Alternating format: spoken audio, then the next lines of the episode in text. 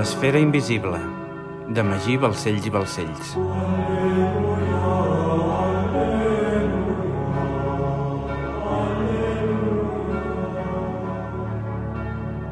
Capítol 12. Coloració de la pell. Dissabte 24 de novembre de 1302. La Rochelle, Ducat d'Aquitània. Era un dia fred i gris.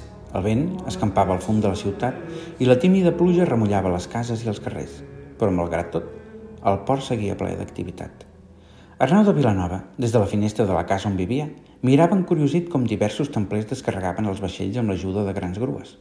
Feia cinc setmanes que s'havia instal·lat a la Rochelle, però tot i així, encara no en tenia el propòsit d'aquella ciutat. Sempre havia pensat que es tractaria d'un petit poble costaner i tranquil, ple de pescadors i alguns franciscans, però el cert és que aquell lloc anava molt més enllà del que la seva ment podia concebre.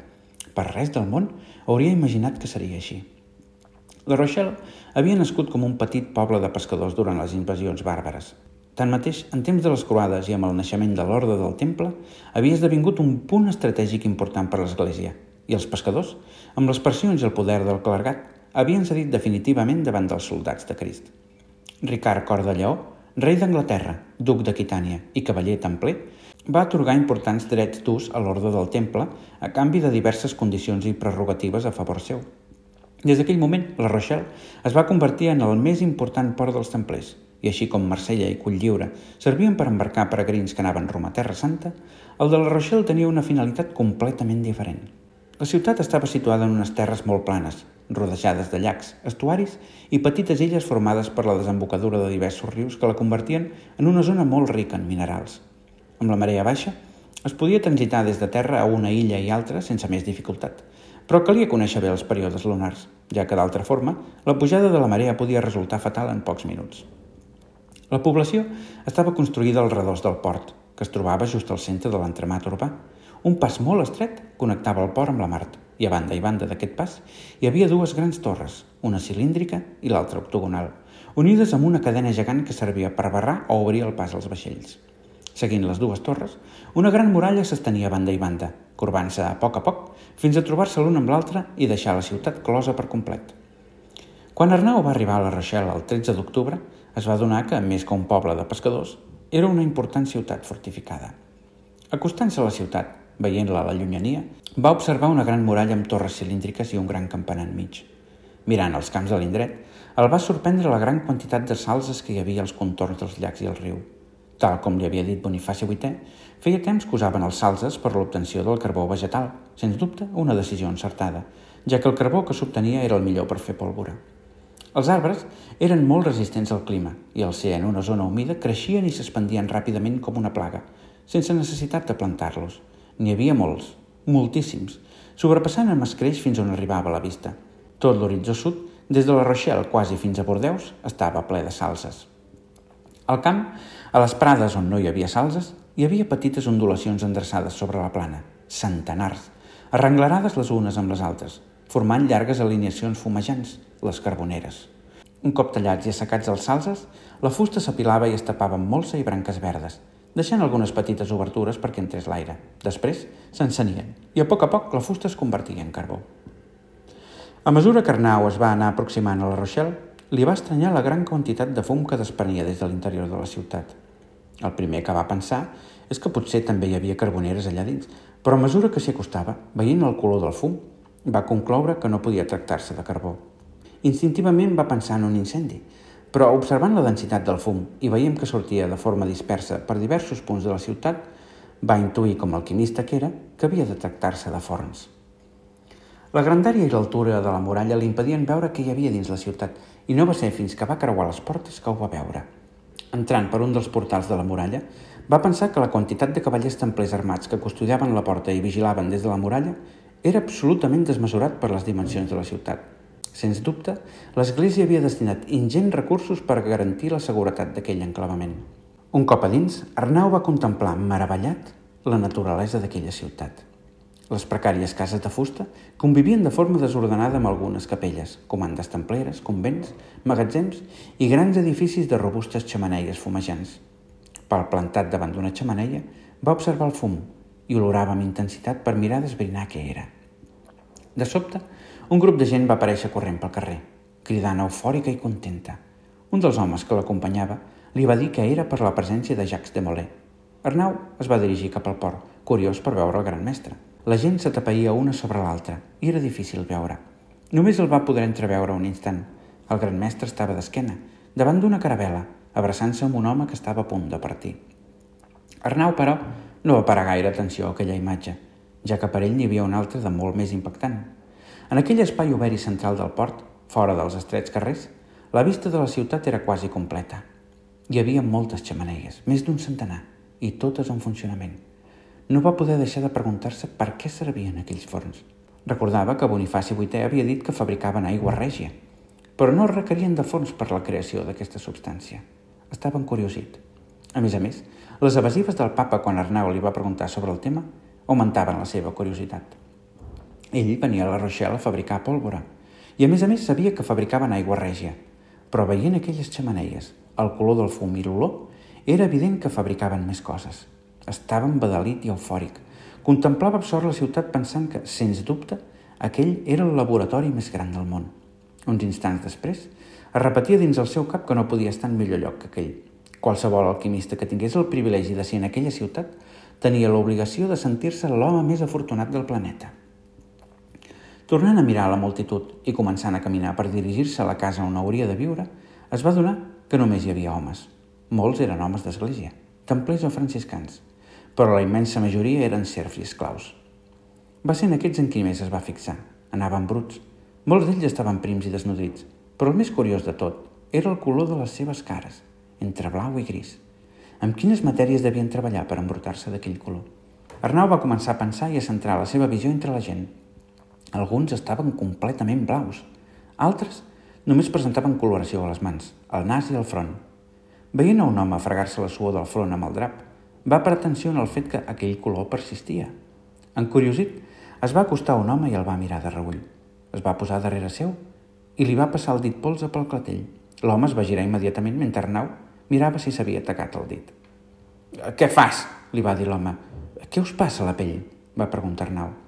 L'home sense dir res, va assenyalar una de les xamaneies i llavors Arnau es va quedar mirant a l'infinit, rastejant la seva ment a la recerca de respostes. Efectivament, era el color de la pell. Què podia produir aquella estranya coloració a la pell? Què hi fan aquí? va preguntar Arnau a l'home que l'acompanyava mentre assenyalava una de les xamaneies. No en tinc ni idea, va contestar l'home. Només sé que els templers descarreguen gran quantitats d'unes pedres al port. Després les porten aquí i les fonen. Arnau no podia deixar de pensar. Estava tan encuriosit que caminava sense veure per on anava, i l'home que l'acompanyava havia d'avisar-lo constantment per alleugerir el pas i guiar-lo. Finalment van arribar a una casa de davant del port. Era molt gran, exagerada només per Arnau. Estava construïda amb entramats de fusta que s'entrecreuaven i destacaven en el blanc de la façana. Tenia moltes finestres i una coberta molt inclinada. Un cop a dins, sis serfs van donar la benvinguda a Arnau i li van oferir alguna cosa per menjar. Bonifaci VIII havia reparat en tot per oferir una bona estada a Arnau. Sa santedat, després d'haver fet una bona amistat amb Arnau, sabia que aquest tenia una gran predilecció per la cuina valenciana. El fet que Arnau hagués crescut a València i hagués passat els millors anys de la seva vida a la ciutat del Ratpenat havien provocat que l'alquimista aragonès tingués un profund sentiment de nostàlgia per la cuina valenciana. Així que, sa santedat, havia fet venir una cuinera de València perquè li preparés les millors i més típiques viandes valencianes. Arnau va pujar al primer pis i va veure un extens menjador amb una gran taula plena de cadires senyorials. Un serf li va portar vi i Arnau va prendre seient per descansar del llarg viatge i menjar alguna cosa. Allà sol, en aquella extensa taula, no podia deixar de pensar en el color de la pell d'aquells homes. De sobte van començar a portar-li viandes. No va ser la vista el que el va fer parar atenció, sinó l'olor. Assegut a la taula mentre pensava en aquells homes blaus, un serf va deixar un got a la taula i llavors Arnau, per un moment, es va sentir al palau del bisbe de València – llegint un llibre mentre degustava una exquisida horxata de xufes. Va mirar el vas i efectivament allà ho tenia, horxata amb fartons. Va agafar un fartó, el va sucar l'horxata, es va omplir la boca i va tancar els ulls. Quan va sentir l'intens gust d'aquell menjar van començar a aparèixer imatges en la seva ment. Es veia llegint llibres àrabs d'alquímia. Antics conceptes que havia oblidat van començar a ressonar-li dins el cap. Paraules i frases senceres van començar a aparèixer en els seus pensaments, fins que va recordar el següent. Els vapors produïts per la fosa de la plata poden provocar canvis en la coloració de la pell. Una alta exposició d'aquest vapor fa tornar blava la pell del subjecte afectat. Va obrir els ulls sorprès. Plata? Fonia en plata? Per què? Llavors va pensar en l'enorme poder econòmic de l'ordre del temple i va deduir que segurament devien encunyar moneda. Però veient la gran quantitat de xamaneies, la producció de les monedes havia de ser immensa. Va mirar l'orxata i els fartons i va somriure. Es va tornar a omplir la boca i va seguir menjant amb els ulls tancats, com si encara fos un jove estudiant. Podia sentir la presència del bisbe de València al seu costat, imaginar el menjador del bisbat a la perfecció, cada detall, cada quadre, la seva habitació sencera, la biblioteca, cada llibre, el tacte de les pàgines i el contingut. Quin privilegi la seva ment!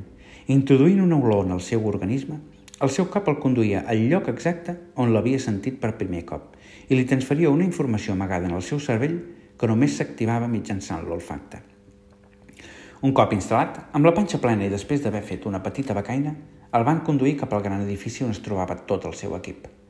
Caminant entre els estrets carrers, van arribar a un gran edifici rectangular i allargat, amb desenes de portes un al costat de l'altre, estretes finestres i una entrada noble dovellada a l'extrem. Un home de mitjana edat i calp esperava Arnau davant la porta. Es va acostar i es va presentar. Seguidament es va disposar a ensenyar les dependències a Arnau.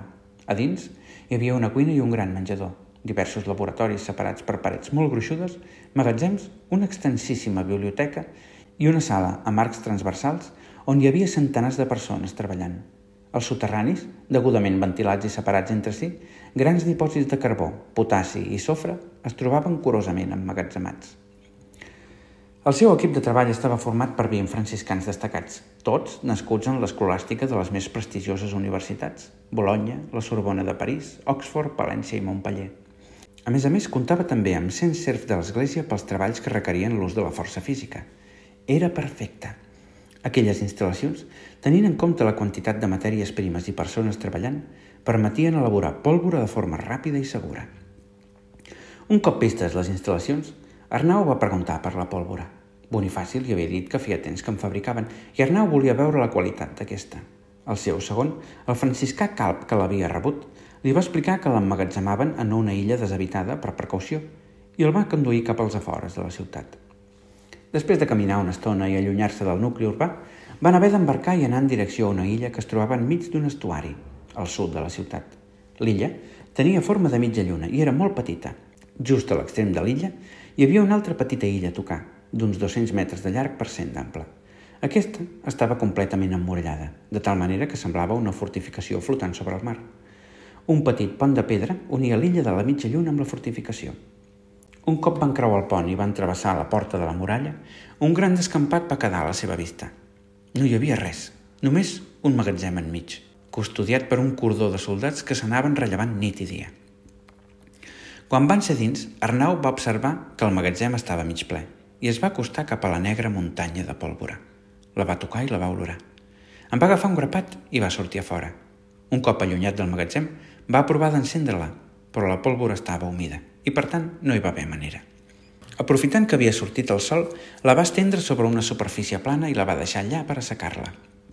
Un cop seca ho va tornar a provar. Com era d'esperar, es va encendre, però cremava amb lentitud i no presentava cap reacció explosiva. Arnau, per les explicacions que li havia donat el seu segon, intuïa que així seria. I precisament per això havia volgut comprovar-ho personalment. Al moment va donar l'ordre que portessin tota la pólvora al laboratori per separar-la i tornar-la a fer en condicions. A més a més, per garantir que la pólvora no es fes malbé, va donar les ordres pertinents per aïllar aquell edifici de la humitat marítima. La humitat i la sal del mar podien malbaratar definitivament la preciada pólvora que es disposava a fabricar fins a convertir-la en res més que pols negre. Amb els dies, un cop Arnau ja coneixia el seu equip i estava tot a punt, van començar a fabricar la pólvora seguint les seves indicacions. Els processos i els percentatges de cada material eren escrupolosament controlats pels homes d'Arnau. Ell dirigia i controlava que tot es fes de forma correcta, però no es limitava només a estar-se a la seva biblioteca i a despatxar amb els altres franciscans, sinó que baixava baix i observava com treballaven els serfs. Controlava la qualitat i la quantitat del carbó, però sobretot tots els processos químics que havia de patir cada substància per adquirir les qualitats que es requerien. El potassi era extret del sol marí de l'estuari de les illes properes quan baixava la marea. Un cop transportat fins a la Rochelle, s'havia de seguir un escrupulós procés per separar les impureses i aconseguir finalment el potassi. El sofre era transportat des dels volcans morts propers, el del Landes i l'Albejois, però el del més qualitat i abundància era el que arribava per via terrestre des del port de Marsella, provinent del Vesuvi, a Nàpols. Quan ja ho tenia tot controlat i havia aconseguit fabricar pólvora de qualitat i de forma constant, va ser quan va trobar una mica de temps per intentar esbrinar el propòsit de l'aigua règia i la plata. Cada cop que anava a casa, fos l'hora que fos, sempre observava que els vaixells del port estaven descarregant. Les xamaneies no cessaven, funcionaven nit i dia, i dels edificis on hi havia els forns només en sortien carros carregats amb ganga i escòria, i algun dia grans carros estirats per enormes bous carregats amb immensos carreus de pedra però mai en sortia plata. Encuriosit, cada cop que sortia de treballar s'acostava al port. Davant dels vaixells templers hi havia una taverna, així que, aprofitant per anar a fer un glob, s'asseia en una taula de l'exterior i observava com descarregaven. Efectivament, per l'aparença d'aquelles pedres allò era plata. Però Arnau volia assegurar-se'n personalment, així que esperava l'ocasió per obtenir-ne i fer les proves oportunes. Un dia, finalment, una de les caixes que descarregaven va caure en trencar-se una corda i totes les pedres que contenia van quedar escampades pel terra. Aprofitant el terrabastall i l'escampada, Arnau en va agafar una i se la va amagar sota la casulla. Sense pensar-ho, va marxar cap a casa disposat a comprovar si era plata o no. Un cop fetes les proves no hi havia lloc a dubte, però l'evidència no va fer més que generar-li més preguntes, ja que l'escòria que s'havia derivat del procés químic per separar la plata de les impureses era molt poca, la qual cosa significava que aquelles pedres eren menes pures de plata quasi en la seva totalitat. Com experimentat alquimista i coneixedor dels minerals, mai havia vist unes pedres tan pures i, per tant, la seva curiositat sobre l'origen d'aquell mineral tan perfecte era immensa. A més a més, hi havia el fet que per més plata que entressin en els forns, només n'estreien ganga i escòria, i grans carreus de pedra, però mai en sortia res que tingués aparença de plata. Aprofitant les seves estades a la taverna, havia intentat estreure informació o algun templer begut, però aquests, coneixedors de la pena que comportava la revelació dels secrets del temple, per molt borratxos que anessin, mai deien ni una paraula. No obstant això, amb el temps i les seves converses a la taverna, va saber quins eren els templers més importants de la Rochelle i va ser a partir d'aquí que, amb l'excusa de necessitar ganga i escòria pels seus experiments, va fer amistat amb el perceptor de la comanda de la Rochelle. Arnau el visitava sovint i li parlava sobre la seva feina en la fabricació de la pólvora per veure si ell li explicava alguna cosa de la plata. Aquell home, però, no explicava absolutament res. Així que Arnau va provar de valdre's de la confiança que es tenien per mirar d'accedir a un dels edificis de Fosa. Després d'una llarga explicació dels processos alquímics que requeria la seva feina, el perceptor, avorrit fins a l'extenuació pel que Arnau li explicava, li va donar potestat per entrar en una de les grans naus i agafar ell mateix la ganga i l'escòria que necessités. Arnau va poder entrar en aquells forns, però un oficial templer l'acompanyava en tot moment, així que hauria de trobar la manera per distreure'l i poder passejar-se tranquil·lament per allà dins. Un cop van entrar, l'oficial el va conduir cap als magatzems on s'acumulava la ganga i l'escòria.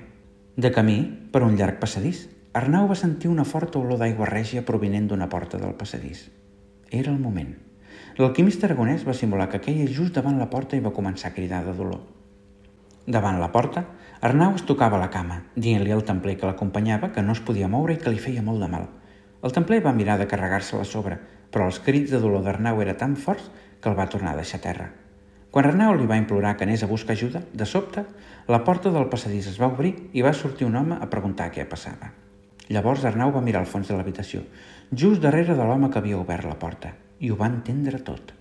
Grans blocs de plata submergits en una piscina d'aigua règia.